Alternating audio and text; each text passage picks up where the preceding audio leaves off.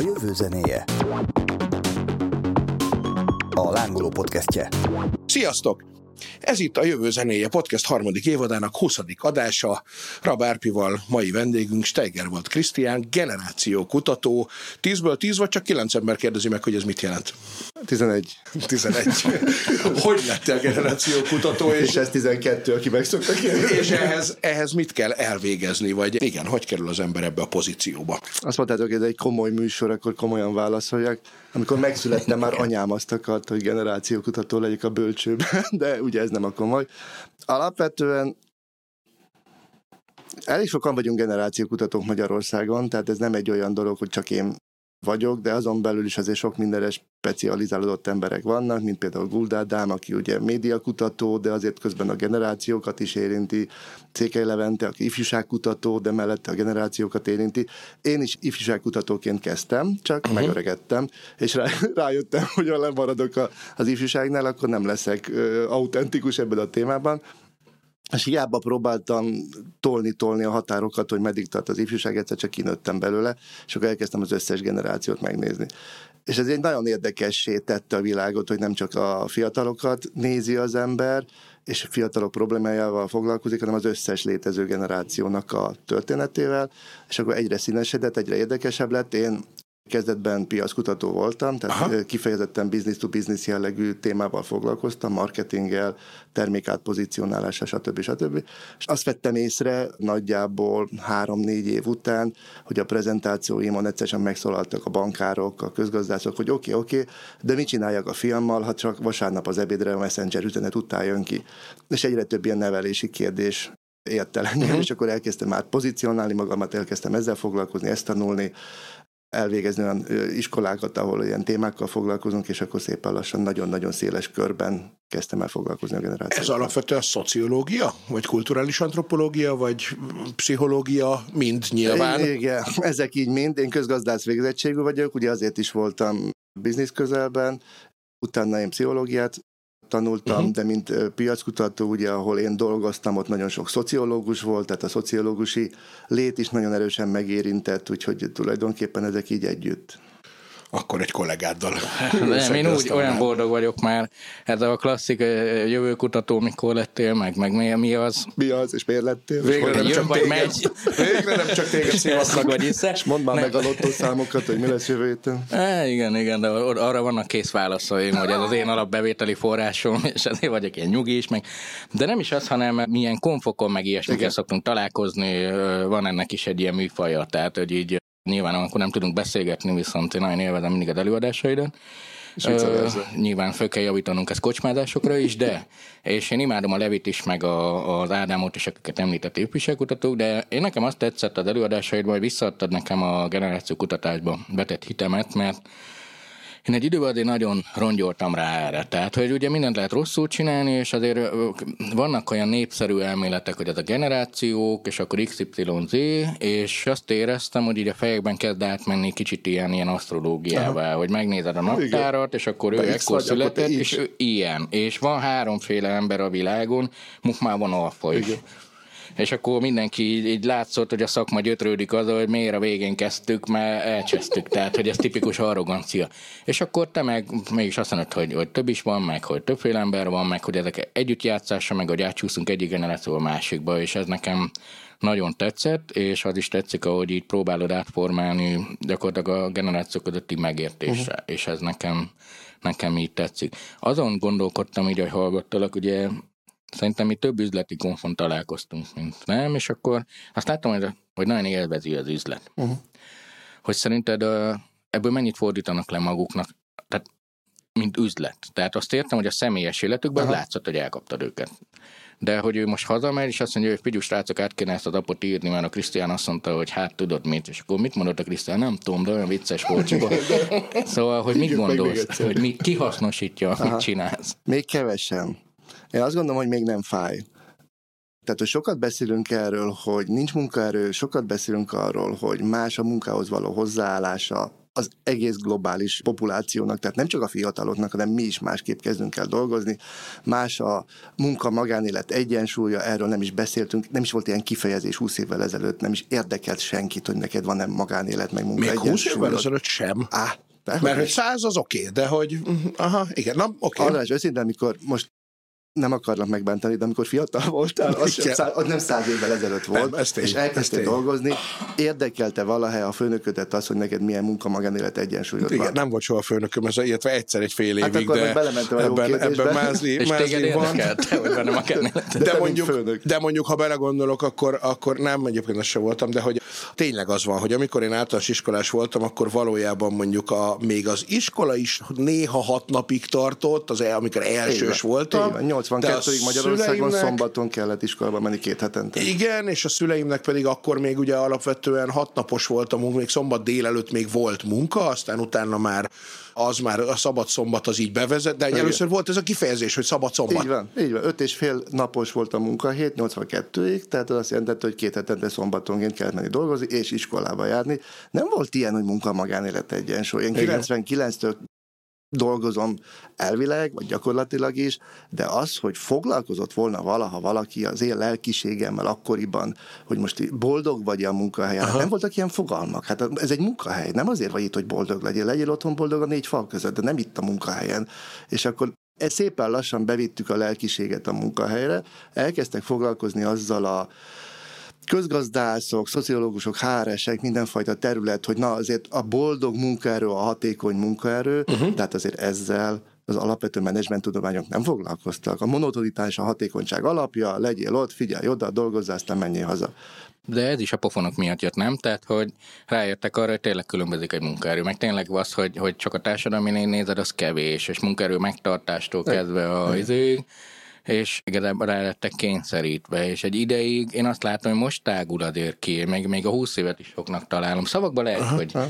De hogy... Egyébként, bocsánatok közül, tényleg, mert ahogy mondjátok, hogy, hogy az inkább ilyen 10-15 év volt, mikor elkezdtünk rácsodálkozni, és a Google-nél, tudod, játszóteret csináltak, a, meg olyan Igen. park van. Az nem 15 éve volt, Endre. Még annyi az se? nem 15 éve volt. Az a Magyarországon annyi éve. se talán, de hogy igen, mondjuk 15 volt az, amikor először Amerikában láttad, hogy vagy valami sorozatban, hogy és akkor ott tényleg ott van a, a, igen, de hogy pont ezt mondani, hogy az elején munkai külsőségben jelenik meg. Tehát azt neki reggelit, színes babzsák, a jó barátokból kölcsönzött színekkel festett ki az irodát, és akkor hú, de korszerű vagyok, totál kész vagyok magamtól. És akkor utána tettek rá, hogy a fejekben zajló folyamatok, tehát a motivációk, meg ilyesmik. És ez is tanuljuk, folyamatosan tanuljuk. Nyilván a multik azok, akik hozzák a nyugat-európa-amerikai mintát, ott viszonylag könnyebb ezt bevezetni. Képzeljétek el, volt, eh, ahol lakom, ott nem messze vannak építkezések. És múltkor láttam, hogy nagyon komoly biztonsági őr lett az építkezés. Ez egy családi ház, tehát nem, nem egy nagy multi uh-huh. épít, egy egyéni kis vállalkozó épít a házat. És ismerem az építés vezetőt, és megkérdeztem tőle, hogy na mi van, miért kell ennyi biztonsági őr, mondjuk ennyire lopják az anyagokat. És mondják, hogy az anyagot nem is annyira lopják, viszont egyik nap ellopták a staffot. Tehát elment a brigád ebédelni, és nem jöttek vissza, mert a szomszéd építkezés ráígért egy ezressel többet, és soha többet nem látták őket, és ezt csinálják, munkásokra vigyázó biztonságért, és képzeld el, az egyéni kis vállalkozó bevezette a céges reggelit, ebédet, délutáni kaját, hogy addig is, amíg ott vannak, ne menjenek ki, Aha. mert aznap legalább ott van a csapat, és akkor dolgoznak. Érted? Tehát elkezd a saját ötlete alapján olyan dolgokat bevezetni, amit a multik már régóta használnak, mert rákényszeríti. Erre mondtam azt, hogy ha fáj, akkor nagyon sok mindent bevezettünk, de még nem fáj. Tehát ez a generációs történet még nem fáj annyira, hogy az, a cégek elkezdenének ezzel mélyebben foglalkozni. Van egy-két multicég, ahol főleg a fizikai munkások terén ott már fáj. Uh-huh. A fehér gallérosoknál még nem fáj. Én annyiban vitatkoznék vele, vagy vitatkozik, hogy, hogy szerintem már most fáj, csak nem értik, hogy azért van. Tehát, hogy Sokszor a kérdések Jogos. rosszak, s az van, miért nem marad nálunk a munkaerő? Mert bakker nem érted meg a fiatal munkavállalók, tehát vagy az idősebbét, vagy nem játszanak együtt, vagy mert igen, tökre egyetértek, hogy amikor fáj megérkezik, csak az mindig már szívó rész, amikor már fáj, és akkor csapdosol, az mindenkinek drágább, és csak erőre készült, és ezt tényleg lehet látni a jövőkutatásnak, és az egyik kőkemény változunk, akkor is a demográfia, tehát marhála látod, hogy ki hogy van, és hogy nem. Én azt látom, hogy még mindig sokan csak ezeket a szavakat használják, már az is valami, de amikor meg eljut a, egy irodai megbeszélés szintjére, vagy valami, akkor hirtelen előtörnek a bevésett uh, rutinok. Igen. Érdekes, hogy ez mennyire összecseng a robotizációval, meg a gépek előretörésével. Csak ebben a podcastben is, az elmúlt hetekben is folyamatosan jön elő ez a téma, hogy az egyik oldalon azon panaszkodunk, hogy úristen, ha a gépek el fogják venni a munkánkat, mi lesz velünk, a másik oldalról meg azon panaszkodunk, de hát nincs munkaerő. És hogy olyan érdekes nekem, hogy egy csomó fejben ez így nem kötődik össze, hogy de hát igazából pont azért fontos, hogy a gépek vegyék el egyrészt ezt a munkát, mert nem nagyon van ember, aki ezt el akarná végezni. Ez az egyik, a másik meg ugye pontosan az is egy érdekes helyzet, hogy a munka az egyre kevésbé a szenvedéssel, meg a rossz érzéssel kezd talán összefüggni, nem? Tehát, hogy amikor én ebbe szoktam belegondolni, hogy most már nincs olyan sok a nyugdíjkorhatárig, esetleg nekünk sem tulajdonképpen, tehát már közelebb vagyok mondjuk én is a nyugdíjkorhatárhoz, a 65 évhez, mint mondjuk a munkaerőpiacra belépés. De eszembe se jut. Tehát el tudom képzelni, hogy miért menne az ember nyugdíjba. Hát tökre szeretem, amit csinálok. Én azt csinálni akarom, amíg a, a fizikai és szellemi képességeim engedik, de közben bele szoktam gondolni, hogy viszont az is oké, okay, hogyha valaki egy gyárban 30 évvel ezelőtt három műszakban csinált valamit, ami fizikailag is sokkal megterhelő volt, akkor evidens volt, ó, várom a nyugdíjat. De hogy a, persze nyilván a kis mikrobuborékjában az ember viszonylag kevés ilyet ismer, de azért valószínűleg statisztikailag is egyre kevesebb olyan munka van, nem? Ami annyira szörnyen rossz, meg fizikailag igénybevevő, hogy vagy ez nem igaz? Nem, nem, nem. Sok van még a ilyen? fizikai munkások körében azért, van, azért sokkal erősebb a fájdalom, mert hogy rengeteg olyan üzem van, ahova bemész, és azt érzed, hogy visszamentél 1960-ba. Hát a gépek onnan származnak, a munkastílus onnan származik, a szervezeti kultúra onnan származik. az, hogy akkor lesz jó egy fiatal munkaerő, ha először betörik. Tehát ez az ősidők óta fennálló elképzelés, hogy be kell törni, meg kell alázni, és majd utána jó lesz a munkaerő. Ja, a mai fiatalok nem hagyják magukat betörni, még a fiúk se. Tehát a fiúk is sokkal érzékenyebbek, és ez is generációs. Megérteni azt, hogy az a fajta férfi kép, ami az evolúció során az elmúlt x ezer évben jellemezte a férfiasságot, az megszűnt, és másfajta férfi arhetipus alakul ki a mostani fiúknál. A külsőség, a siker egyik alapfeltétele, Aha. abba az, hogy engem megalázzon egy nálam 30 évvel idősebb szaki, és betörjön, hát törje be az anyját, és be, be, kimegy az ajtón, és soha többet nem látod. Tehát, Igen, pedig igaz. ezek a befogadási rituálék, a kezdőpoénok, a megalázás, ugyanúgy a katonaság nem tagolja táborokban, ez egy abszolút van kevesen értik, vagy nem az, hogy kevesen értik, amit mondasz, hogy kevesen hasznosítják még, de ha neked szabad kezed lenne, például miket csinálnál, most megkapnál egy járnak a vezetési Aha. lehetőségét. Először is kétségbe esni. Jó, ilyenkor a fizut szokás megnézni, hogy végül is. Az egy picit visszatérnék arra, mert ugye mondtad, hogy vitáznál azon nem eléggé fáj. Azt gondolom, hogy azért nem eléggé fáj, mert még itt vagyunk mi. Tehát mi a munkaalapú társadalomban szocializálódtunk, és húzzuk az igát. Tehát az X-esek, a baby boomerek még nagyon abban vannak, hogy, hogy azon nőttek fel, hogy az alázatos munka, meg hogy odafigyelni, és mi még föntartjuk annak a képzetét, hogy a munka a szenvedés, tehát hogy, hogy mi még éltetjük azt a terepet. Azért nem esít, ugye? Viszont Mert... a gyerekeink nem. Tehát, hogy uh-huh. minket úgy neveltek fel, hogy legalább nekünk könnyebb legyen, de a könnyebbségben benne van a munka. Mi viszont úgy neveljük a gyerekeinket, hogy ti legalább boldogabbak legyetek, és a boldogságban már nincs benne a szenvedés. És ez egy össztársadalmi üzenet, és össztársadalmi szinten csináljuk, viszont nagyjából olyan 6-7 év év múlva, 2030-ban az EU-ba a munkavállalók egyharmada 55 pluszos lesz, és 55 felett olyan szinten megváltozik az emberi test hatékonysága és az emberi ö, agy hatékonysági működése, amit, hogyha nem kompenzálunk másfajta munkaerővel, uh-huh. fiatallal vagy robotikával, akkor nagyon komoly hatékonyság visszaesés lesz. Tehát én azt gondolom, hogy ott fog nagyon fájni. Tehát most még fájdogál, most még érezzük azt, hogy szúra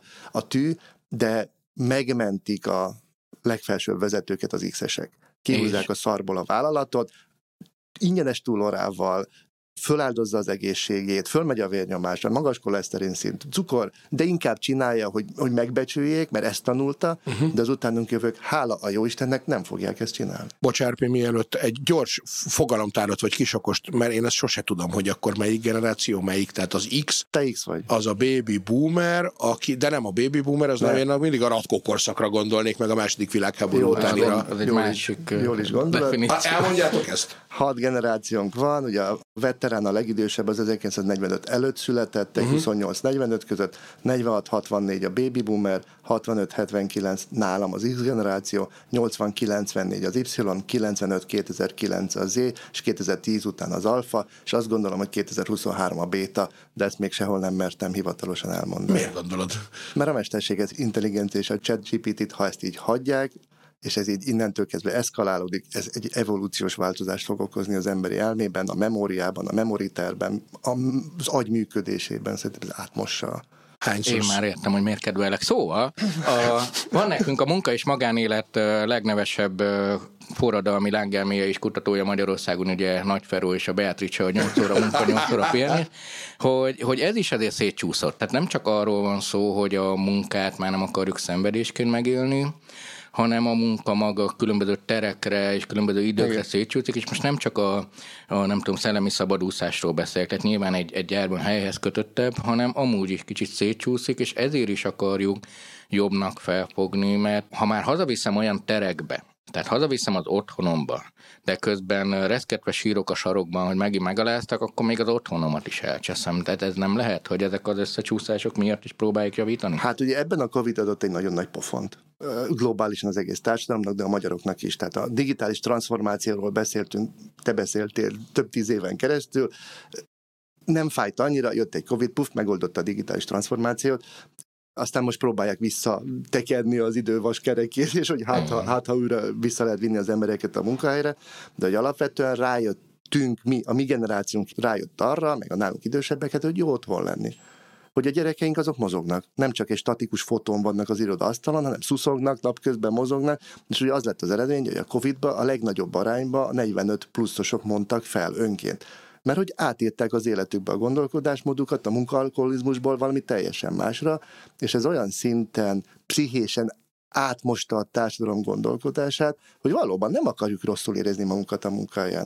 Tehát, hogy elkezdtünk gondolkodni, most, most tényleg úgy fogsz meghalni egyszer, hogy az életed java részét, mert a munkahelyen törtjük az ébren létünknek a java részét, hogy ott rosszul érzed magad.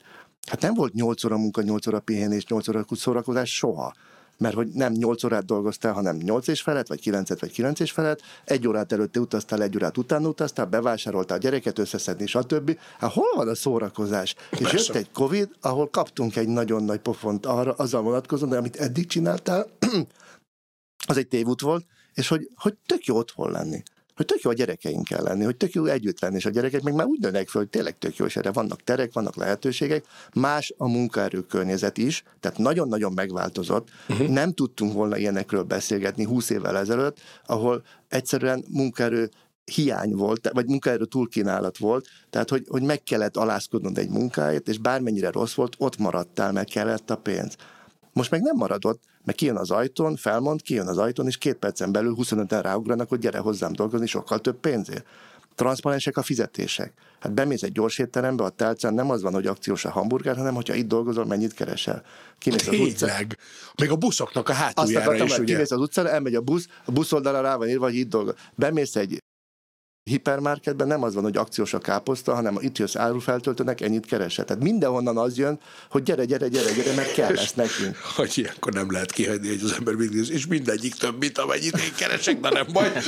De hogy nem, akkor nem, nem panaszkodunk egyébként. Arra hogy... egyszer egy coach, egy életcoach dologra meg megbeszélnünk kell, ez a sose volt főnökkel, mindenki többet. Igen, de ember ez is egy tök érdekes de dolog különben, egy hogy, órát, csak hogy, drága lesz. Hogy amúgy a, a úgy a munka, mint a bevétel is, ahogy, ahogy ezek szétcsúsznak, hogy ugye egyre kevésbé jellemző az is legalábbis egy bizonyos buborékba, de ez feltehetően azért majd szétspriccel, hogy neked csak egyetlen egy adott helyről van egy havi bevételed, egy fizetésed, és abból kell gazdálkodni, mert, mert hogy az egy, de aztán valahogy egyre több embernek, vagy még egy kicsit ezt is csinálok, meg azt is csinálok, és akkor onnan is, akár nem is pénzben, hanem valami másfajta bevételben van ez. De hogy amit ha mondasz valamit rá, mondja, aztán majd kérdezek is konkrétan. Ez egy tendencia is, de erről talán Árpád jobban tudna beszélni, hogy a jövő szempontjából mi a munkahely, de már most látunk a jelenben olyan tendenciákat, hogy az egy az kevés. Tehát az egy munkahely az nem jelent biztonságot, az egyoldalú lojalitás jelent, megtapasztalták a mai fiatalok, gyakorlatban, hogy a lojális szüleik a 2008-as világválság idején belebuktak abba, hogy lojálisak voltak. Megtanulták azt, hogy nem kifele kell lojálisnak lenni, uh-huh. nem befele vagyok lojális. És hogy nem egy munkájuk lesz, nem is biztos, hogy főállásuk lesz, Igen. hanem hogy több, több pontba fognak kapcsolódni egymással, ilyen, akár ilyen pullók alakulnak ki, hogy én felajánlom a munkámat, és akkor hétfőn ide dolgozom, kedden oda mhm. dolgozom, szerdán nem oda dolgozom. Hát ez teljesen jellemző. Tehát... Szakértői meló. Én kurva akkorásnak hívom, de imádom. Én sem csinálom. ez a, a, szakértői a tökéletes példája ennek, hogy ugye a mi anya cégünk könyvkiadó, és hogy például a, a könyveket tördelő, tördelő grafikusok, nyilván ez, ez nagyon sokáig egy fix olyan meló volt, hogy ide kell jönni az irodába, és aztán amikor úgy alakult az élet, hogy váltásra került sor, akkor egyszer csak bejelentkezett nálunk az, a mostani egyébként fő tördelő kollégánk, aki Pécs mellett egy faluban lakik, ja. és kiderült, hogy neki is jó, meg nekünk is jó az, hogy ő nem csak nekünk dolgozik, hanem ő ezt a munkát három-négy kiadónak el tudja végezni, ami neki jó, mert igazából izgalmasabb is, meg nem egy dologtól függ, viszont többet keres. Nekünk jó, mert viszont nem kell egy teljes főállásnyi bért és minden egyebet erre a dologra szánni, hanem pont csak annyit, amennyi munkát ő elvégez, és ugyanúgy van egy havi fix díjazás ezért, de az jóval kevesebb, mint hogyha itt egy főállás. Így van. Megvan a win Igen, ez... És egyre több lesz ilyenből, de nem? Ezt értem, és most azért, na, tehát mi ilyenek vagyunk, most ebben élünk, és nagyon sok ember ilyen, tehát most nem, de akkor is vannak egyrészt helyhez kötött munkák, fizikailag terhelt munkák, tehát például pont egy szobafestőként, most már máshogy vagy szobafestő, régebben egy izé, most lehetek ilyen jó, olyan jó, gyakorlatilag önálló vállalkozó, érzik a különbséget, vagy örülsz, hogy van egy szobafestőd és két, vagy te kifested, de mondjuk mondok egy édesanyám védőnő, csak itt a nyugdíjon pilóztam, védőnő volt, most már nyugdíjas.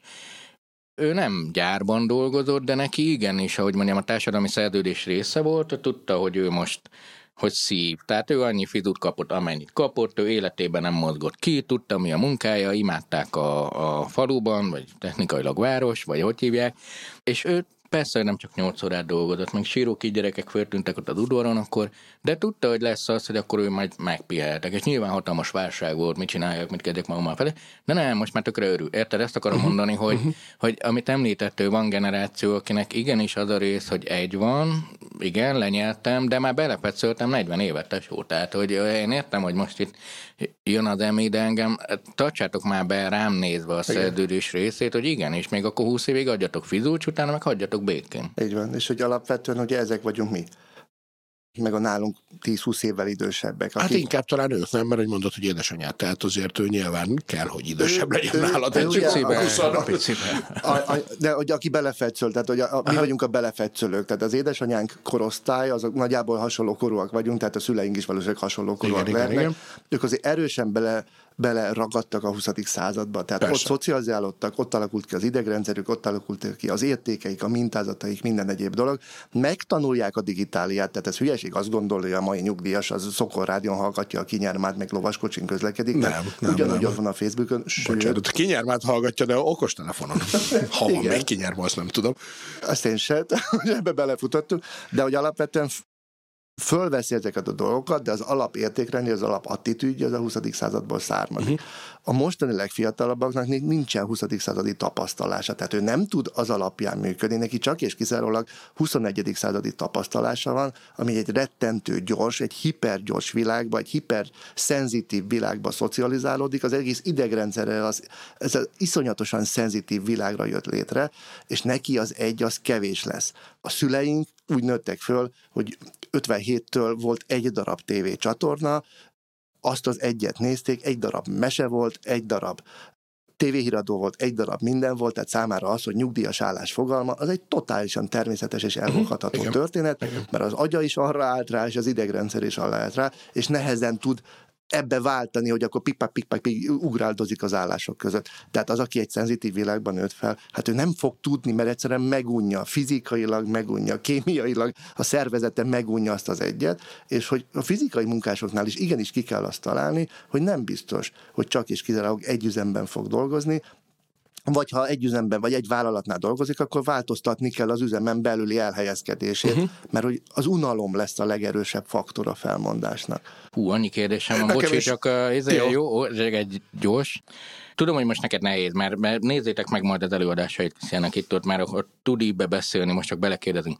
De ezek ugye most egymás mellett vannak. Igen. És ugye az egyik alapvető problémánk az érték nem is válság, hanem az, hogy egymás mellett van sok Igen. érték. És ilyenkor ugye az ember elkezd szemezgetni, végül is ez tetszik, jogaim vannak, felelősségem nincs. És egy ilyen világban kell egységes értékeket csinálni, és épp programozzuk le egy emibe. Igen. És te nagyon figyeled a, a biológiai részt is, tehát azt mondod, hogy milyen világba szocializálódott, milyen idegrendszerrel, milyen sebességgel, de hogy mit nézel még? Tehát, hogy oké, okay, megszületett ekkor, uh-huh. De biztos, hogy ennél komplexebb egy kicsit a szitu, olyan értem, hogyha most így látok egy valahány korút, akkor te még mit kérdeznél meg tőle azon kívül, hogy mikor született? Hát ugye az csak egy faktor, hogy amikor megláttad a napvilágot, akkor mi, mi volt a földi valóság. Tehát ugye azt gondolom, hogy a működésünk körülbelül egy harmadát befolyásolja az, hogy milyen földi valósággal találkoztál, hogy akkor kazetta volt-e, vagy Spotify volt-e a, a zenehordozó. Tehát ez önmagában a leginkább a média az, amit befolyásolni uh-huh. tudja az idegrendszerünk változását. Ez az egyik. A másik az, hogy milyen a DNS állománya valakinek. Tehát hogy az, az, hogy hogy születsz, meg milyen DNS térképed van, milyen személyiséged van, az nagy mértékben befolyásolja, hogy tetszik, nem tetszik, belénk van kódolva, hogy okosnak születünk, vagy kevésbé okosnak, hogy meddig fogsz élni, hogy barna hajad lesz, vagy szőke hajad, tehát ez mind már adottságként ott van. A harmadik pedig az, hogy honnan származol, tehát egy ilyen, ilyen családi, transgenerációs mintázat. Hogy... Kulturális tőke? Igen, igen. Hát az sem mindegy, hogy most bocsánat, hogy egy ózdi bányás családba születik valaki, vagy egy második kerületi bank vezér családjába születik. Tehát lehet mind a kettő Z-generációs, nyilván teljesen máshol fogja a világot látni és eljutni bárhova. Mi volt a családban az értéke a munkának, a pénznek, hogy állnak hozzá ezeket a dolgokhoz, ez mind-mind lecsapodik egy személyiségbe. És egyre több cégnél, ahol dolgozom, és ahol ezt tényleg komolyan veszik és szóba kerül, ott sokkal inkább ezeket a humanisztikus faktorokat kezdik el nézni a toborzásba, és nem a hard skilleket, mert azt meg lehet tanítani. Tehát legyen egy alap tudása, valamilyen befogadó képessége a tudásra, de hogyha most például valaki nem tud 8 órán keresztül állni, bármennyi vendéglátóipari főiskolát elvégezhetett, bármennyi nyelven beszél, nem lesz jó recepciós, mert nem tudott állni 8 órán keresztül. Vagy ha nem tud köszönni, ami szintén egy kultúra váltási tényező a köszönés, akkor ne recepciós legyen, mert neki köszönnie kellene. És ezeket kell felmérni. Az a, az elképzelés, hogy mindenki, amikor kikerül egy iskolából és bekerül egy munkahelyre, ugyanazt az értelmi szintet és ugyanazt a kulturális adalékot hozza, ez egy 20. századi elképzelés. Tehát akkor azt hittük munkadóként, hogy aki bejön az ajtón, ugyanolyan íratlan szabályok szerint nőtt fel, és mindenki ugyanazt a dolgot nagyjából tudja, és onnantól kezdve kell majd fejleszteni. Na ez egy hatalmas tévedés, ez a generációknak a legnagyobb különbsége. Most a cégeknek egy transzparens keretrendszert kell felállítania, és akkor fog tudni számon kérni a különböző generációktól dolgokat, de ez a transzparens keretrendszer ez nem arról szól, hogy leírod a szakmát, hanem hogyha 9-től 5-ig tart a munkaerő, akkor az, vagy munkaidő, akkor az nem azt jelenti, hogy 9 és 5 között valamikor bejövünk, és 9 és 5 között valamikor hazamegyünk, hanem hogy mit jelent. Hogy nálunk az a szokás, hogy a fiatal köszön elő. Ezeket le kell írni. Ha nem írod le, akkor belülről lehetsz mérges, de hogy cseszed le azt a munkaerőt, ha egyszer nem mondtad meg? Csak feltételezted, hogy ő ugyanazt az értéket hozza, de nem ugyanazt hozza. És ez egy hatalmas nagy paradigmaváltás a munkahelyeken, amire még egy csomó cég nem készült fel, és emiatt vannak fájtok generációk között, mert ez, amit te is mondtál, az alapértékek változtak meg, és hogyha az értékrendszerben nem közelítünk, az rombolja a hatékonyságot. De milyen érdekes, hogy elhangzott a szádból még akkor is, hogyha ez csak egy ilyen szófordulat, hogy hogy cseszed le. És hogy pont ez is egy amúgy szerintem nagyon jó dolog, hogy ahogy a gyereknevelésben, ahogy egy korábbi adásunkból is ez kiderült, az erőszak, a lecseszés, a nem tudom, az, az, az egészen kezd eltűnni, és egészen kezdenek más módszerek jönni, én a munkahelyen is nehezen tudom elképzelni azt a fajta lecseszést, amit egyébként pedig nyilván igen, ami korábbi életünkből lehet tudni, hogy ilyen van, hogy a főnöknek mindig igaza van, ugye van ez a borzalmas gicstábla, meg ilyenek, és hogy ez is erősen változik, hogy maga a, a lecseszés, meg, a, meg az olyan direkt utasítás, amivel nem lehet vitatkozni, leszámítva nyilván a fegyveres testületeket, vagy olyan helyeket, ahol persze nem is működhet másképp a dolog, egyre kevésbé lesz jellemző, vagy ez megint csak az én buborékom? Szerintem igen, a buborékot. Tehát, hogy nem tudunk más csinálni. Ez a mintázata több ezer évre visszamenőleg az embernek, hogy a motiválásban van lecseszés. Na de régen, is lesz ez? Nem biztos, hogy így lesz ez, de most még az átmenet generációja vagyunk mi. Tehát a, a munkadók most a mi generációnkból kerülnek aha, ki, a főnökök aha. a mi generáció, a pedagógusok a mi generációnkból Igen. kerülnek ki, a szülők a mi generációnkból kerülnek ki.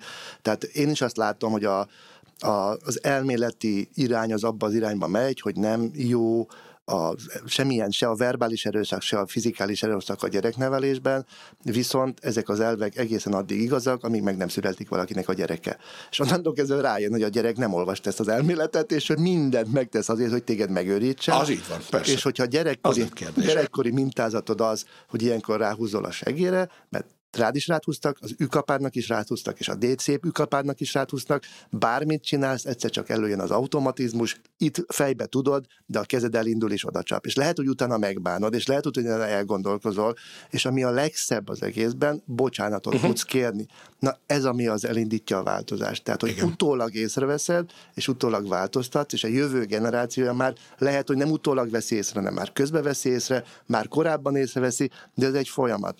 Persze, hát ez Még a lépcső. Lecseszünk. Így van, ez a lépcső, hogy, hogy a mostani szülőgeneráció, ha használ is ilyen eszközt, vagy indulatból, akkor is bocsánatot kér. Tehát, hogy viszont ez, ez így van, és ez meg, ez meg valószínűleg velünk még nem annyira történt meg, nem? Nem, mert hát most... most... Mindig szerencsé van, engem se vertek, de hogy így, de hogy ne, tényleg az volt, hogy tíz éves koromban nem az volt a mintázat, hogyha akár én kaptam egy segre húzást, akár bárki, akkor Aha. utána a szülő azzal jön, hogy jaj, ne haragudj, ezt, ezt, ezt nem hát kellett biztos volna benne, hogy a szüleitek még kaptak körmöst. Lehet, hogy személy szerint nem kapott a, a, a szülőt körmös, de hogy látott olyat, aki Igen. kapott körmös. Tehát, hogy náluk az, hogy az iskolában van fizikai erőszak, egy tökre elfogadott dolog. Én Igen. is kaptam, de Székelyföld azért egy határozottabb vidék. a... Hát annyi, annyi, annyi minden van. Igen. Azt tudjuk, hogy milyen gyorsan változik. Csak, csak majd média eseménynél ugye nagyon jellemző volt, és nagyon jól elő tudom hozni előadásokban azt, hogy amikor a jó barátok újra bekerült a streamingbe, akkor a fiatalok nem szerették, és azt mondták, hogy mennyire bunkósor, most igen, így igen. ne a divatszavakat használva. És akkor persze én azt mondom, hogy azért vagyunk most ilyenek, mert ez akkor lehetővé tette, hogy most itt tartsunk. Ez mondja, oké, okay, de nem hol érdekel, ez most még mindig bunkó, tehát nem fogom nézni. Uh-huh. Nyilván ez nekem fájt, mert hogy kívülről vágom az összeset. Tehát, hogy a, nagyon gyorsak ezek a változások. Uh-huh. Bizony. Szerintem a bocsánatkérés, meg ezek, ezek nagyon-nagyon fontosak, de ezt munkahelyen is tanítani kéne. Csak ugye megint, hogy mennyire fáj. Uh-huh. Tehát én nekem nincs ilyen, mondjuk sokféle emberre dolgozom, de nagyon sok olyan cégvezetőt ismerek, akikkel dolgozok együtt, akiknek ad a filozófia, havonta egyszer le kell cseszni. De hát neki eleve így naptárilag megvan, Meg tehát törni. még csak ki se kell, mert hogy... hogy igen, mert igen. Hát. De most mondok egy példát, én ezzel játszottam előre, hogy most jövőkutatás. Bejön a munkahelyekre egy csomó gép, most hívjuk így, mindegy, hogy emi, robot, bármi ő neki nem fáj. Tehát, hogyha úgy szocializáljuk az emiket, hogy azt mondjuk, hogy csak egy robot és szoftver, és én töltöm a munkaidőmből 8 órát, és beszélgetek vele, azt mondom, figyelj, keres ki az e-maileket. És akkor keres, és azt mondom neki, te egy pöcsfej vagy. Ő nem fog reagálni, mert ő egy emi. Viszont ha én mindig azt mondom, hogy te egy pöcsfej, után humának is. Érted? Tehát, hogy Magyarul már most ezt az etikát meg kell tanulnunk, vagy megfogalmazni és elméteni, vagy visszaesik az egész, pont azért, mert elkezdünk uh-huh. gépeket használni, belerugok az autóba, de nem rugok bele a sofőrjébe, de ha mindenbe belerugok, akkor ettek. Na, uh-huh. tehát, hogy Igen. nehéz ezt előrejelezni, ez, ez tudatosság kell ahhoz, hogy elfogadni, hogy ez tényleg jobb. Tehát itt most egy cégvezető azt mondja, hogy jó, András, én értem, hogy izé, és a saját gyerekemet nem bántanám, de az alkalmazottakat nem bántom, de azért van fegyelem, mert néznek, fidut akarok nekik adni, így vagyunk hatékonyabbak, csináltam ezt az édi minden nap megsimogatom a buksidat, és nézd meg, 30%-a visszaesett a termelékenység. De kimondtad a kulcsot, a tudatosság. Szerintem a tudatosság hiányzik. Tehát a uh-huh. múltban nem kellett egy cégvezetőnek tudatosnak lenni, egy vállalatnak nem kellett tudatosnak lenni, mert hogy bármit megtehetett. Tehát olyan erőfölényben volt, a vezetőknek a, az önérdekérvényesítési eszközei megvoltak, adottak uh-huh. voltak, és azon kereteken belül ő tudott dolgozni, ezeket nem kellett leírni. Na ez változott meg hipersebességgel, és most nem tudják, hogy mi a jó Isten történik, mert a korábbi önérvényesítési eszközök nem működnek, új keretrendszerek még nincsenek, új szerződések még nincsenek a munkavállaló és munkaadók között, ezekbe bele kéne vinni a humán faktorokat, amiktől aztán a legtöbb cégvezető az, az, az, fél, mint a tűztől, csinálja a HRS, igen, azért igen. vettem fel a HRS-t, én ebben nem foglalkozom, meg se tanítom a középvezetőimnek, miközben mondjuk megint visszatérve a kék galérosokra, az üzemben minden minden a sori vezetőn vagy az üzemvezetőn múlik. Tök mindegy, mit csinál a HRS, meg mit csinál a CEO. Ott a helyszínen, hogyha az én sori vezetőm bánt, akkor nem fogom jól érezni magam, hogyha haverok vagyunk, akkor még minden nap tök boldogan fogok bemenni. De hát nem lehet, hogy ezt is annyiból az élet majd talán megoldja, hogy igen, ez most egy átmeneti állapot, ahogy mondjátok, de hogy a vezetőknek egyre kevesebb a belső pszichológiai motivációja is arra, hogy mondjuk hatalmaskodjon, vagy lecseszés eszközével éljen, mert hogy az a generáció, akitől már bocsánatot kértek, hogyha bántották őket, mondjuk a szülők, abban nincs meg feltétlenül az, a, az az agresszió, kimeneti, nem tudom, dolog, hogy már pedig akkor ő neki is másokkal hatalmaskodni kell, hanem ő neki az a természetes, hogy én jobban szeretnék lenni nagyjából mindenkivel a munkahelyen is, ez hozhat erre egy olyan megoldást, hogy igaz, hogy ez 10-20 év, meg 30, mire a pozícióba kerülnek, de hogy én most próbálok egy kicsit ilyen nagyobb látószögben gondolkodni, hogy... Az ez... élet mindent megold. Azt kérdezted, hogy nem lehet az élet megoldja, de meg fogja élni az életet, csak addig, hogy meghalunk. És lesz egy olyan uh-huh. életünk, ami nem volt jó. Vagy azt mondjuk, amit Árpi, tudatosítással, Aha. odafigyeléssel csinálunk egy olyat, amiben mi is jól érezzük magunkat. Tehát, hogy most én azt látom, hogy egy csomó középvezető szenved, egy csomó középvezető bizonytalan. A mi generációnk uh-huh. most iszonyat, a legfelsőbb vezetők is bizonytalanok, uh-huh. tehát azért mennek el coachhoz, meg azért divat most mindenfajta ilyen dolog, ami Amerikából átszivárog, mert most ez a fajta bizonytalanság, mit csináljuk? Mondd meg, hogy mit csináljak. Eddig tudtam, működött, nem működik. Ők a hülyék, nem én, de segíts, hogy ezt a sok hülyét valahogy tudjam vezetni, Pontosan. mert hogy nem működik. Mert nem azt csinálják, amit eddig csináltak. Nem azt csinálják, amit kértem. Hát nagyon nehéz azért, mert ők is tehát okosak, tényleg akar valamit Persze. csinálni, csak van egy nagyon egyszerű helyzet, bejön a digitális kultúra, és fölülírja az addig értékrendszereket, a tudás vagy bármit. És a, az oktatás is, a könyvtárak is, meg mindenki kapott egy tükröt, ugye erről sokszor beszéltünk, hogy úgy, tehát én nem tanárként már csak azért nem fogok figyelni, mert tanár vagyok, de hogy az előadásom során bebizonyítom, hogy én tényleg ismerem a szakmámat, és ő belőlem ki tud nyerni valamit, figyelni fog. Eddig ez, ez egy főnöknek nem kell bebizonyítania, hogy ő okos, ö, odafigyelő, izéte, de egy mostani sokszor például elvárják, hogy ők azért szereti meg a céget, mert mondjuk vagy az ügyel tud azonosulni, vagy a főnökkel fölnéz rá, hogy azt mondja, hogy ő menő. És nem ilyen egyszerű, hogy na John Carmacknak már lett porsche és akkor mindenki elkezdett játékfejlesztő lenni, mert az egy viszonylag izé, meg új, jó női lettek. Én is az pont is egy jó akarom. motiváció. Abszolút, teljesen. Hát meg az egy tök világos, de most kell például ez. És, és ez biztos, hogy nagyon nehéz lehet ez. Amikor elveszed, ez van egy tény, ez a magabiztosságom alapja, hogy én vagyok a főnök, e, így megyek tárgyalni. És akkor utána jön átpárt tanácsadó, és azt mondja, figyelj, be kéne neki bizonyítani. De miért? Igen. És a legrosszabb, hogyha elkezd próbálkozni, de nem tudja, hogy miért, csak akkor lesznek ezek a fraternizálások, furaságok, bukták. Mondtad az előbb, és nagyon szeretem bármilyen székelyföldi viccet, és nem megbántva ebben semmi. Tehát te mondtad, hogy, hogy a székelyföld egy határozott vidék, és te is egy olyan vidéken nőttél föl. Tehát ez egy maszkulin jellemvonás, behozhatjuk a gender dolgokat is, tehát hogy azt gondolom, Simán. hogy az a fajta történet, hogy mindenkinek gender érzékenynek kell lenni, ez egy, ez egy hamvába tölt dolog, tehát amikor én megszülettem 76-ba, akkor két nem volt, akinek kukaca volt, az fiú volt, akinek nunusa, az lány volt. Tehát én máshonnan indulok pszichésen, mint az, aki 2020-ban vagy 2018-ban született, tehát ő sokkal könnyebb lesz érzékeny, mint én. De a nagypapám nem Dózsa György idején, és nem Szent István idején született, hanem 1922-ben, 101 évvel ezelőtt, 20. században. Nála úgy volt két nem a faluban, hogy voltak az emberek és az asszony és volt a gyerek és a kislány. Tehát ő honnan indult. És az egész kultúránk honnan indul, hogy be tudjátok fejezni ezt a mondást, a pénz számolva. Igen. Az asszony verve jó. És ugye ezen növünk fel, ez a történelmi kultúránk, ez a kulturális evolúciónk része. Tehát, hogy nagyon-nagyon nehéz ráállni ezekre az új gondolatokra, mert hogy mi máshonnan indulunk, és ezt, hogyha uh-huh. nem adod át a mai fiataloknak az ő nyelvén, csak számon kéred, és dühös vagy belülről, hogy ő miért nem gondolja így, meg miért nem fogad el így, azért nem, mert ezt nem tanulta meg. Ő ezt nem kapta meg. Se a társadalom nem tanította meg, se az iskola nem tanította meg, se a szülő nem tanította meg. Az mondjuk nem tragédia, ha azt nem tanítja meg neki, hogy a pénzszámolva asszony verve jó. Mondani, hogy két lányos apukaként, ugye?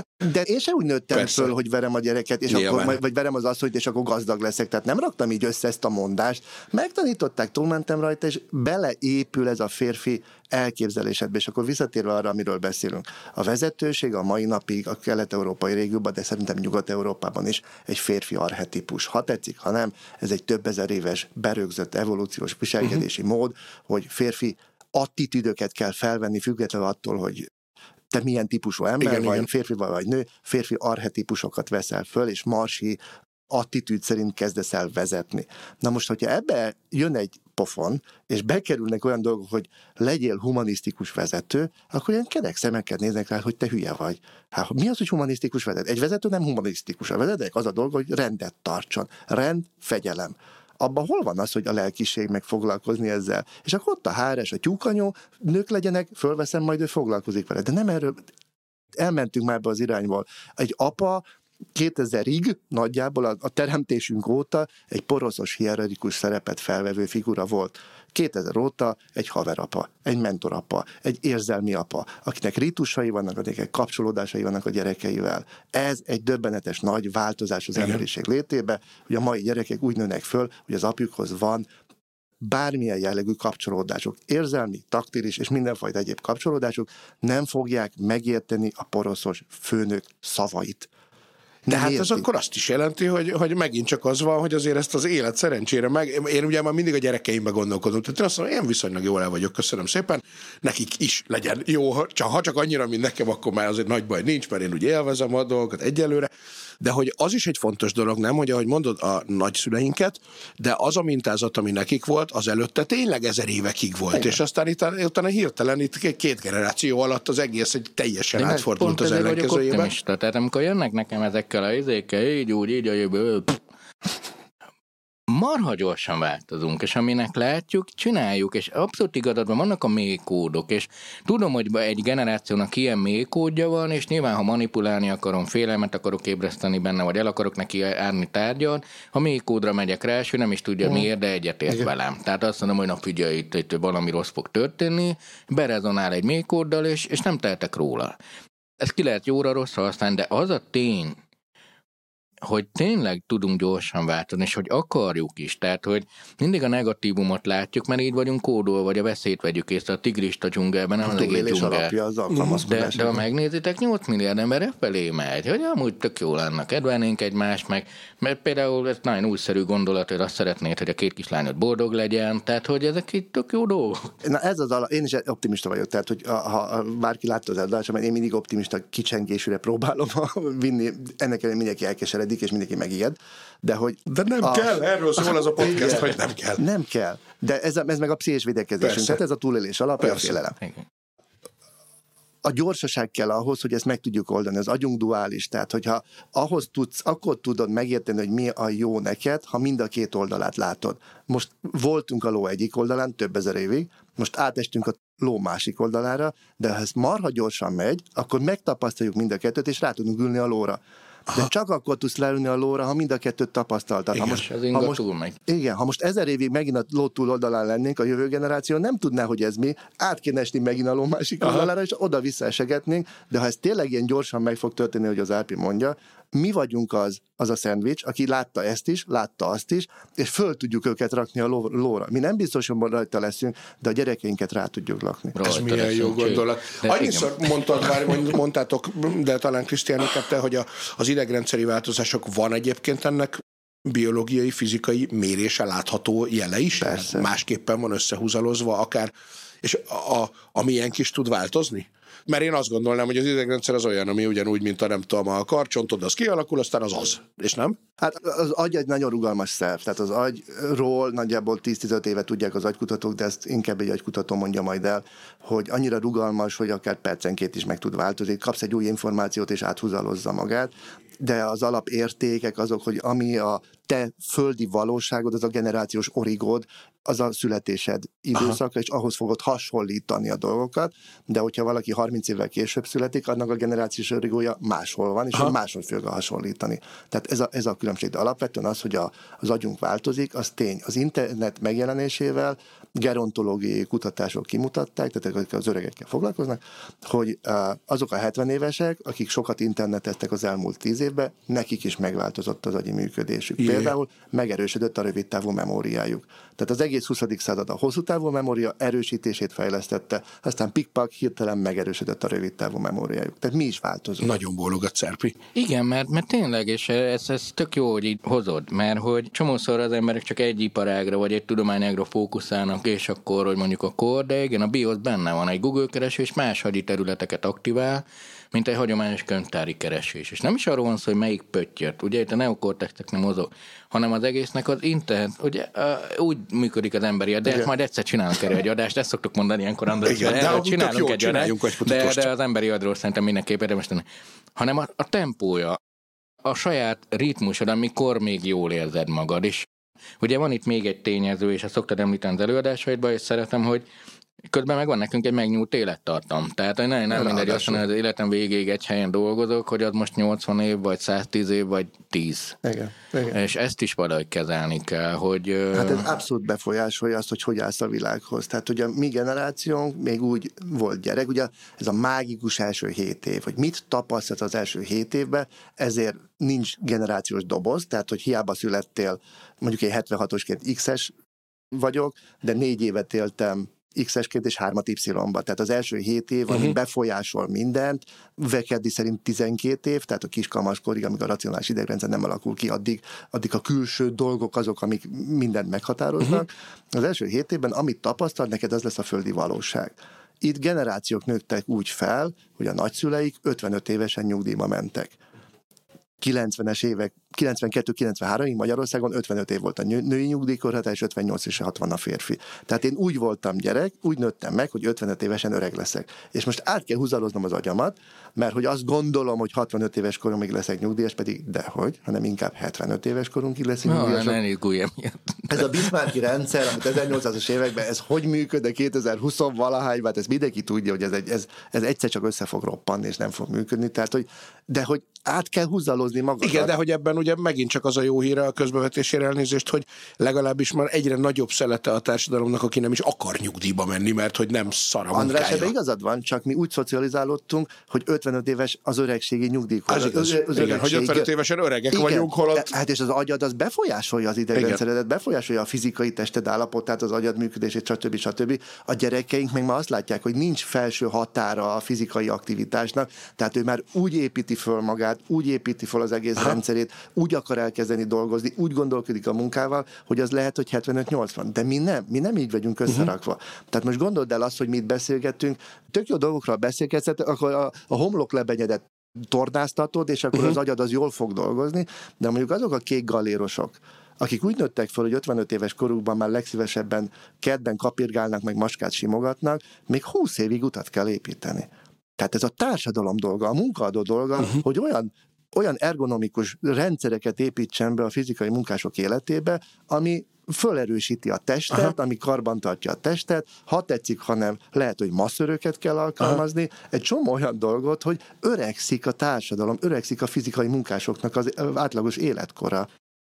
Vagy jön a robot. És igen, mert hogy ezt akartam kérdezni, ez az egész gyáras világ, hogy tudom, buborék, de hogy itt, ahol mi vagyunk, Dél-Buda 11. kerület, az én gyerekkoromban ez egy félig meddig rozsdaövezet volt, vagy gyárövezet, vagy hogy szokás ezt mondani, mert hogy tényleg itt a Fehérvári úton végig, már itt, itt ahol a, a, az allé az ugye még akkor skála volt, meg piac, de hogy gyakorlatilag volt két háztömb, és onnantól fogva elkezdődtek a gyárak, a BHG, meg a nem tudom, a, akármi.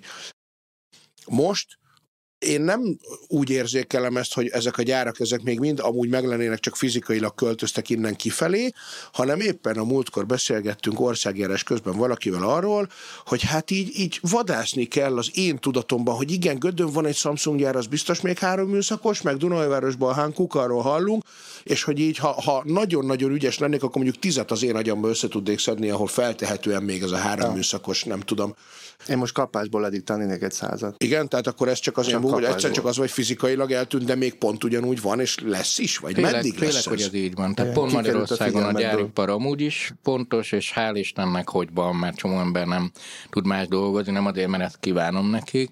Mások is a rendszerek, tehát azért most már egy családi házban is tud 12 Igen. nő ö, alaplapokat forrasztani, három ezért nem Aha. is tudod, hogy ott mi történik. De mondjuk azt pont nem kell három műszakban, nem? Tehát, nem hogy ott... észre, tehát az élelmiszeriparban folyamatosan három műszakban dolgoznak az, igaz, emberek. Az igaz. Sőt, hát a számon is kérjük, ugye, amikor a, a klasszik, nem? Mikor éjszaka mész valahova, és látod, hogy egyébként árut feltöltenek a Lidlbe, és akkor de miért nincs ez nyitva? Hát úgyis ott van az emberben, Igen. akkor miért nem mehetek be vásárolni? Hát meg, jaj, sajnálom magam, de korán keltem, bár én pont korai kelő vagyok, apris, apris pogárcsa legyen. Tehát de, de, de, valaki azt ugye, uh-huh ezt azért árazza is a piac. Az is látszik, hogy ezek így úgy reagál a piac, hogy ezeket azért egyre nagyobbra becsüljük. Tehát eddig Igen. pénzben megjelenik, ami ugye most a gazdasági hatásokról ne is beszéljünk, ez az egyik. A másik, hogy nem mindegy, hogy mit tudsz neki még ígérni. Tehát, hogyha azt mondod valakinek, hogy figyelj, nem 40 éven keresztül éjjel háromkor fogsz kelni, stb. Tehát, egy másik példa, van egy kedves ismerős, akik pékségesek, de ők, ők azok, akik ugye szellemi szabadúszók voltak sokáig, elérszem 40 körülig, és akkor ráérze valamit akar csinálni fizikai. Tehát, hogy, hogy eddig az volt, hogy gépen pötyögtem, és akkor el szoktak menni sört készíteni, borásznak, kapának itt, ott ők pékséget csináltak. És persze, már, már menem az alap vizes túrós batyut, hanem ilyen extra szuper hype, van weblapjuk, tök szexik, amúgy itt ott már nagyon gazdagok is, de azon kapták magukat, hogy éjjel háromkor kelnek, és csinálják, és a saját kedük van benne, de imádják. Tehát, hogy ők választották ezt. Szerintem az a nagy különbség, hogy szakaszonként kell felfogni az életet, és azon most azt választom, hogy pék vagyok egy darabig, és ezzel keresek sokat. És, és öt év múlva lehet, hogy emi programozó leszek, mert, mert miért ne lehetnék. Nekem az tökre tetszik egy csomó új munkában, mindig mondják, hogy új munkák lesznek, de ha megnézed, hogy új munkák javarésze pont időseknek való munka. És ez tök jó. Igen? Hát olyan értem, hogy miért, miért ne lehetne EMI programozó 65 évesen. EMI programozó azt tud lenni, nem akinek van élettapasztalat. Nem kell hanem igen. meg tudod, azt, amit meg épp élettapasztalatod van, azt be tudod vinni egy rendszerbe. És csak meg kell változtatni a szavakat. Most azt mondom, hogy idősnek, hogy EMI programozó legyen, azt mondja, nem szeretem a számítógépet, nem is értek hozzá. Azt mondom, figyelj, az van, van egy élettapasztalatod, és meséld el, hogy te hogy méhészkedtél, és én majd csinálok belőle egy méhészelmét, de nekem nincs élettapasztalatom. Egy csomó fejlesztés azért akad meg, mert élettapasztalat nélkül fejlesztik. De jó. Még optimistább lettem, tehát, de, de, mert hogy de, pont, de. pont a nap, egyébként az adás előtt beszélgettünk erről, hogy olvastam tegnap este két hosszú cikket is, ami nagyon pessimista, pont erről, hogy és aztán jön az általános mesterséges intelligencia, aztán a szuperintelligencia, és hogy ez az emberiség végét jelenti, és pont erről a tapasztalat dologról volt szó, hogy jaj, majd semmit nem fog érni az emberi tapasztalat, mert hogy, mert hogy igazából a gép az úgyis majd mindent helyettünk de hogy na, Árpi olyan szépet egy ilyen közegben, meg ilyen hallgatóságban, ami nektek van, ez nyugodtan lehet mondani, a pessimizmus az egy marketing eszköz. Az egy lájkvadás oh. eszköz. Hát a marketing az világében abból élt, hogy félelmet gerjesztesz. A félsz attól, hogy kiesik a fogad, mossá fogad ezzel a fogkrémmel. A félsz attól, hogy időskorodban bepisil, szedd ezt a gyógyszert. Ha nem kened be magad a krémet, csúnya lesz. Nem akarok csúnya lenni, megveszem. Hát, ha azt akarom, hogy kattintsanak a cikkeimre, akkor persze most a cikkeket írok, és telepakolom félelem az embereket. Azzal együtt is, hogy egyébként pont azon gondolkodtunk, hogy ennek a cikknek a szerzőit még akár meg is lehet majd ide hívni, mert hogy ők általában is valószínűleg pszichésen is meg vannak győződve arról, hogy hogy ettől tényleg nagyon félni kell, és nyilván van is igazuk, tehát, hogy nyilván az, azt se lehet mondani, hogy teljesen bárgyú módon nem kell foglalkozni hát semmivel, de az a igen. munkád, hogy ez az eszközöd, hát most kiítéli meg, hogy ez most jó vagy nem jó, vagy hogy akkor bántsuk. Hát most nem az a dolga, hogy nem egy szociológus, hogy akkor fölépítse a társadalomnak a jólétét, neki az a dolga, hogy azt a terméket eladja. Szerintem nincs, az, nincs az marketingesként azt gondolom, hogy nem rossz, vagy jó, csak más. Igen. Nem az a probléma, nem az hogy most van egy ideológia, képviselünk, vagy sem. Ami engem, az, az engem például sose szokott zavarni, ha valahogy máshogy gondolkodik valami valakiről, amiről én más. Hogy tehát az tök oké, sőt, én magamban szerintem többet kételkedek, mint mások. Igen, igen, tehát nem is tartanom magam tudósnak. Ami engem zavar, amikor észre se veszi, hogy nincs választása, lehetne választása, de rossz kérdéseket tesz föl, vagy sem.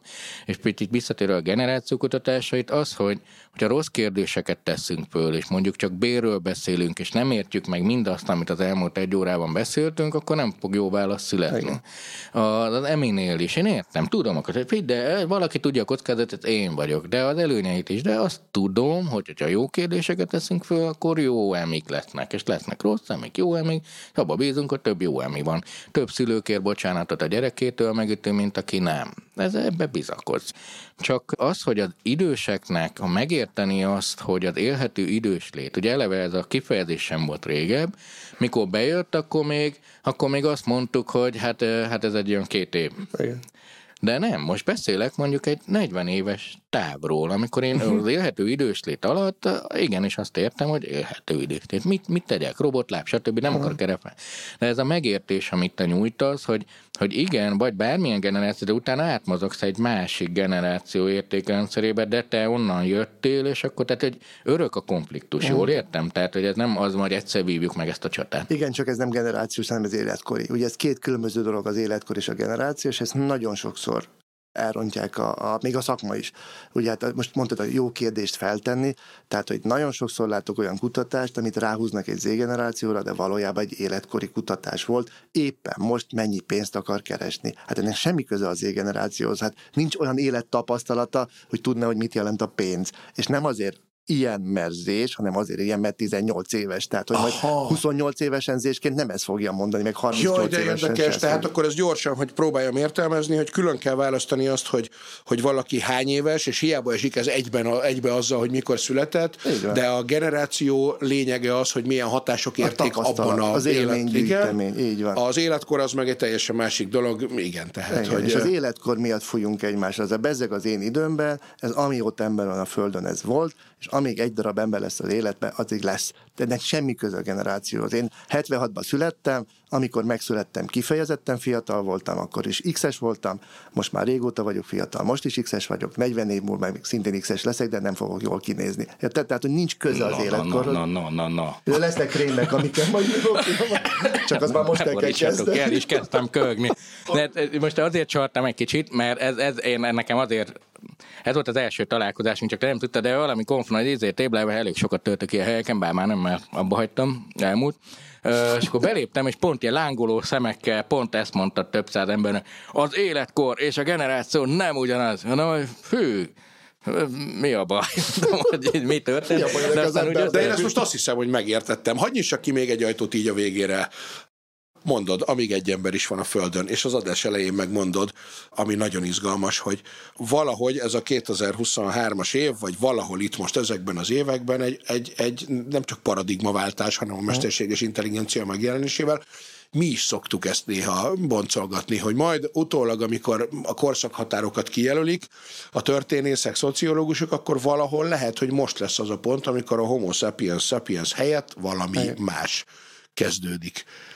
Erről egy kicsit a te gondolataidat elmondod.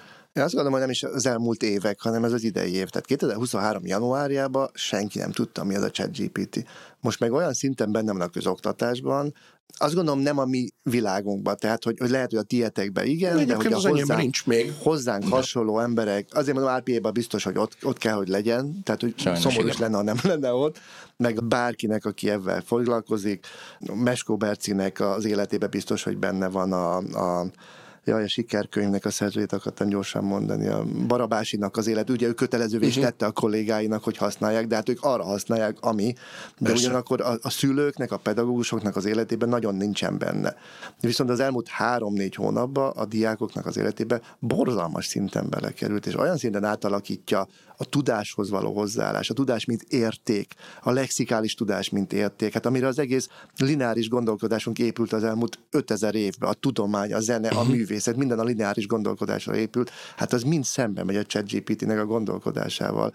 És az övékét nem biztos, hogy mondjuk egy mostani egyetemista, aki 21-2 éves, nem biztos, hogy teljes mértékben átalakítja, de ha valaki ebbe a rendszerbe születik bele, és ebbe a rendszerbe fog felnőni, az ő memóriája, mint szükséges agyi tevékenység, az meg mhm. fog kérdőjelezni. Hát mi az Istennek kell memória, miért kéne memoriter, miért kéne megjegyezni, hogy 1222 aranybulla, meg stb. stb. stb. mert nincs értéke. Érted? És ez olyan szintű, szinten megváltoztathatja a homo sapiens sapiens valójában ahhoz képest, amit az elmúlt x ezer uh-huh. évben, sőt az elmúlt 240 ezer évben, amióta Kelet-Afrikában találtak bármilyen jellegű emberi, ugye a modern ember előtti Aha. dolgokat, hát hogy, hogy teljesen szemben. Ez mennyire izgalmas. Tanulni sose. akart, és most meg nem tanulni akar, hanem Igen. A, azt a marha nagy tömegű információt fölhasználni valamire. És akkor ezek szerint az fizikailag az agyat úgy meg tudja változtatni, vagy, vagy egy más típusú hát agyat fog, ami fizikailag is mérhető. Hát mert hogy ugye mi mindig arról szok, nem én szoktam erről beszélni, Árpi meg ehhez ért is velem szemben, hogy majd ez a homo sapiens sapiensből valami más, ez ugye az ilyen Harari nyomán, majd vagy a géntechnológiai tökéletesítés, vagy a kiborg lét, amikor meg a mesterséges eszközök épülnek bele az emberbe, de ez sose jutott volna eszembe, holott tök logikus, hogy ez magától is ez a folyamat el tud úgy indulni az evolúció révén, hogy nem az ember nyúl bele saját magába a géntechnológiát, hanem egyszer megváltozik az agya, ami aztán nyilván esetleg más fizikai tulajdonságaira is valamennyire majd hatással lesz. Hát a, a legfőbb misszióm és a legfőbb lángoló szemem, amit az Árpi előbb mondott, az akkor van, amikor szülőknek magyarázom, hogy mit okoz, hogyha szoptatás közben az anyuka csetel. Tehát az egy olyan szintű pszichés átmosása a gyereknek, hogy mit jelent a digitális eszköz, amit a te duális agyad, aki a televízió meg uh-huh. Junosztyon nőttél fel, fel se fogod, hogy mit csinálunk a gyerekkel abban az intim pillanatban, ami a születésének az első néhány napja, néhány hete. Aha. És megkérdezik a szülők, hogy Krisztián szakember úr, mondja meg, mikor adjunk a gyerek kezébe kütyüt. Tök mindegy. Ha szoptatás közben csetelsz, tök mindegy. Ha az a kérdés, hogy mikor akarod megmutatni a gyerekednek, hogy te digitálisan függő vagy, mert a gyerek mintázatokból tanul, uh-huh. azt látja, hogy anyu, apu, az iskola, az óvónő, az egész társadalom ezt csinálja, tök mindegy. Mi megtanultuk, ő nem megtanulja, nem az élet első hét évében a teljesen természetes, normális dolog, hogy ő be van digitalizálva. Uh-huh. Igen. Hát nehéz a kismamát látni, a kép nem fonál. Úgy tolja a babakocsit, mert nincs ő nem ott van, ahol. Hát, ő ennyit lát, ugye anya anya ilyen. Igen. De hát egyszerűen az van, nem, hogy, hogy ahogy mondod, hogy De úgy fogyasztjuk az anyukákat a... bántsuk, bocsánat, az apukák is, tehát Persze. hogy az apa is ugyanúgy. Az információt, hogy nem, nem tudsz már, tehát, hogy igazából az, hogy te csak egy dolgot csinálsz, tolsz egy babakocsit, mm.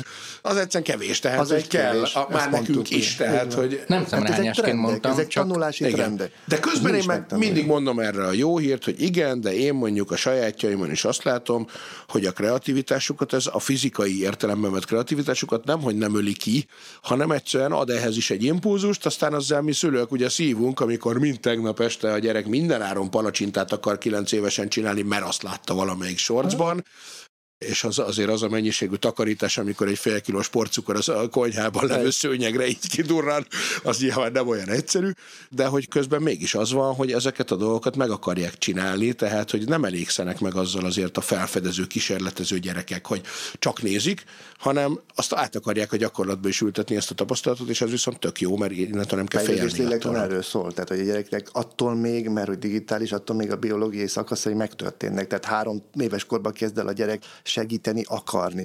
Most ha digitális, akkor majd digitális térben akar segíteni, ha offline, akkor meg benyúl a sütőbe és kiveszi a 500 fokos kacsát és leégeti a kezét. Tehát, hogy tök mindegy, miben nyilvánul meg, meg fog nyilvánulni. A te dolgod szülőként, hogyha megmutatod, hogy nem csak digitális cumi van, hanem van offline világ is. Csak azt meg kell mutatni uh-huh. térbe és időbe be kell vinni ha nem tudjuk tér, térben, időben kezelni mi felnőttek a digitális eszközöket a gyerekeink előtt, ők már abban a világban nőnek bele, hogy számukra a digitális eszköz az non-stop. Igen. Az ugyanaz, mint a szívverés, sosem áll le. A szülő dolga. Azt mondani a nap végén este hatkor, gyerekem, apa, anya leteszi a mobilt. És már vége. Akkor tanulja meg egy két-három éves gyerek, hogy a digitális térnek van vége és van eleje. Különben nem tudja megtanulni. Akkor ez egy konklúzió családi szinten, vállalati, munkavállalói, munkaadói szinten van konklúzió azon túl, hogy legyen rugalmas, és próbálja alkalmazkodni, és próbáld meg jól érezni magad, és akkor minden jó lesz. Tudatosság. Tudatosság. A jövő szkíje, a Hát ez most nem akarom Árpi szakmáját elvenni, de én olvastam olyan jövőkutatókat, akik azt mondták, hogy a jövő szkíja az önismeret. Ez egyik legfontosabb szkíja az önismeret. Tehát tud, hogy te hogy működsz, tud, hogy mik a hozott mintáid, tud, hogy mit akarsz csinálni, tud, hogy mit akarsz átadni, akkor leszel komplex. Tehát olyan bizonytalan létbe vagyunk, hogy a saját belső gyökereidet kell megtalálni. Ha bizonytalan világban bizonytalan vagy, akkor össze-vissza csapódsz. Bizonytalan világban a saját biztonságodat kell megtalálni, ez az önismeret. Tudatosság, odafigyelés. Tökéletes végszó pont, Árpi. Pont tegnap beszéltem erről lángoló szemekkel, de éreztem némi rezonanciát a teremben, meg éreztem a oké, okay. egy újabb uh, amcsi pszichológus, aki el akarja adni a hosszú című könyvét nekem, de nincs hosszú című könyvem, úgyhogy izé. Hát én nem, én csak szomorú vagyok, tehát hogy kell hívnunk Krisztián élőzni, meg még egy adás ilyesmi, mert hogy nem tartunk sehol. Jó, ebben a beszélgetésben. Miért ne legyél szomorú, most is itt vagyunk. Én ezt nagyon szívesen hát, folytatom. De van egy limit, de igen. És köszönöm, annyit, nagyon köszönöm, hogy eljöttél. Annyit azért engedjünk meg, hogy most jelenik meg új könyved, ugye? Vagy jelent? Tegnap, képzeljétek el, kaptam két darabot, úgyhogy ebből egyet tudtam csak hozni az elpillanat, mert most megyek a buksóba. Oké, okay, de mire, mire ez az adás kint lesz egy vagy két hét múlva, tehát május végén feltehetően. Akkor vágjuk meg, és mondjuk azt, hogy két hete jelent meg. Igen, jövő csütörtökön lesz, az, az most mi van? Most van 17-e, akkor ez 18, meg 7, 25-én lesz kint az, adás, tehát már mondhatjuk, mire a kedves már nézők, van, hallgatók, igen. hogy van. Azért mondd el a címét. Generációk harca a figyelemért, tehát kifejezetten a figyelemről szól. Ajánljuk mindenkinek szeretettel, és mi is el fogjuk olvasni. Steger volt Krisztián, nagyon szépen köszönjük, és tényleg Én folytatjuk köszönöm. innen. Nagyon jó volt, örülök, hogy itt lettem. Sziasztok! Ez volt a jövő zenéje.